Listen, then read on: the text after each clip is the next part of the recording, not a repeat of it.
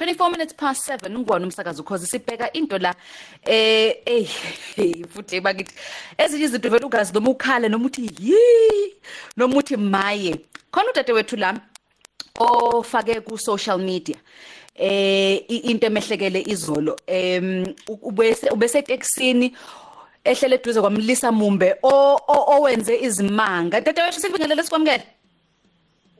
Sawubona sisi Uyaphila Ntsola? Ngiyaphila wena? Ngiyaphila. Phephisa ngento ekwehlekela izolo bakithi. Ngiyabonga. Awus awusilandise ke ntombi ukuthi kwenzekeni wagibela eTexini wahlala nangumliseza nezimanga. Um yebo bengisendleleni emsebenzini and I only started working there on Monday. So angajayeli kahle le ndawo. Ngithe mangifike eTaxini ngambulisa ubhuti. Then ngambuza cause la ngihlala ngala ngihlala khona yazi ukuthi abashayeli bamathekisi abavumelekanga ukuthi bangagcoka ama-short. So ngithe mangena ngambulisa ngambuza ukuthi hawu wangagcokile ndoda then wangitshela ukuthi hayi akusiyindaba yakho leyo ayifuni wena then i proceeded mina nendlela ngamtshela ukuthi yakuphi then wangidonsa imask. Ngamuza ukuthi hawu wangidonsa imask ufuna ungithela ngecorona yini? Wathi cha bengifuna ukubona ubuso bakho ama-lips wakho angayenza ezinye izinto. Bese that's ah. then that i got triggered. Then as our journey continued waqala ke wayenza izinto lezi bazenza as seen on the video. And i when i saw ukuthi is proceeding and ngicela ukuthi ngicela uyahla alo wenqaba ngathi decide ukuthatha ifoni ngithatha ivideo without him seeing it. Then wathi maqala ukubona he snatched my phone as seen on the video. Then saqala ke salwela ifoni and ngaso sonke leso sikhathi he was still driving. Bakasashayela so I was scared one bengithukile ukuthi what if lo muntu ushayisana nezinye imoto silokusulela ifoni yami two abengazi ukuthi uyogcina begcina siyolwa sokufike kuphi to which extent. Maybe bazongishaya maybe bazophaka in a ditch somewhere and I the worst could have happened? But thankfully ngikwazile ukuthi ngiyakwazi ukuthatha ifoni yami back and I managed to get off. Once I stop e-roboting yeah madoda mm manje ngathi ema mhlambe nje kuyena umlaleli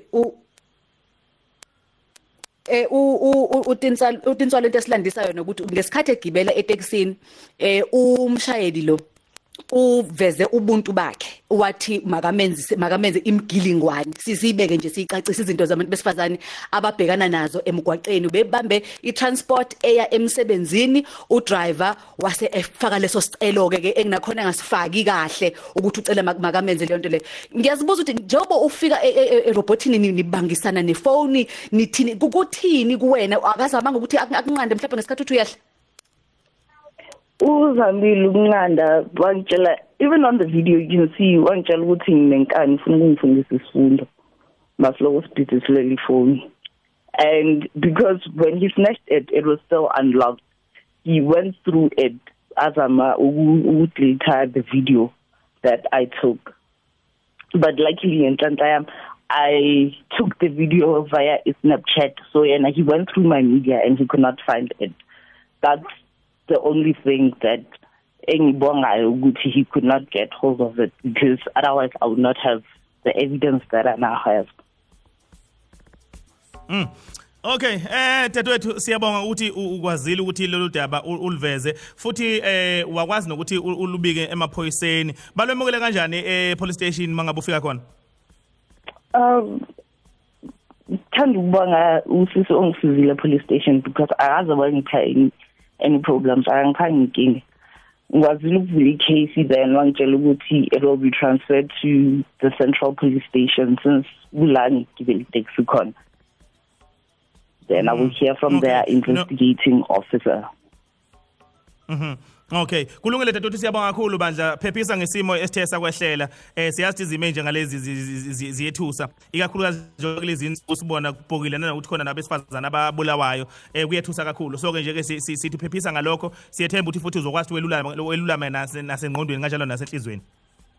okay bonga mina Alright. Eh kungenzeka ngemlaleli ukuthi eh, udouble njengalolu mhlawumbe nawe la lahlela uthi uthi ugibele itekisi kube khona izinto eh, e- etekisini umuntu wesilisa azenzayo okubonakala ukuthi ngempela zizinto lezi ezingezi ezingehli kahle kuwena njengomuntu wesifazana. Eh kubonakala sengazi ukuthi mhlawumbe nokuphepha ke manje ematekisini ba- kanti kushuthi nga- ngabe ngathi kwabesifazane eh sekuzoba ukulinganiselwe yini ngoba phela mangabe umuntu wesifazane egibela itekisi usuke emethemba umshayeli usuke emethemba udriver. Lokho esikubona kule video eh lensizwa ngempela igila lemkhube igilayo eh kuyasethusa kakhulu. Kodwa ake sizwe ngawe njengomuntu ohamba eh ngamatekisi mhlawumbe usukwabhekana nenkinga enjengale njengale yalo dade esikhuluma naye na? Wenze njani mangabe ubhekana naye? Wayi- wa- wayibika yini mhlawumbe? Eh okungenzeka wayibika mhlawumbe ku rank manager noma wayibika emaphoyiseni? Eh uma ukuthi mhlawumbe wayibika kwahamba kanjani? Noma kungani ungazange uzuyibike? Ake sikhulumeni nawe uma ukuthi mhlawumbe wake wehlelwa yinto ethi ayifane nale ngoba imkhube njengale kufanele siyikhuze bakwethu.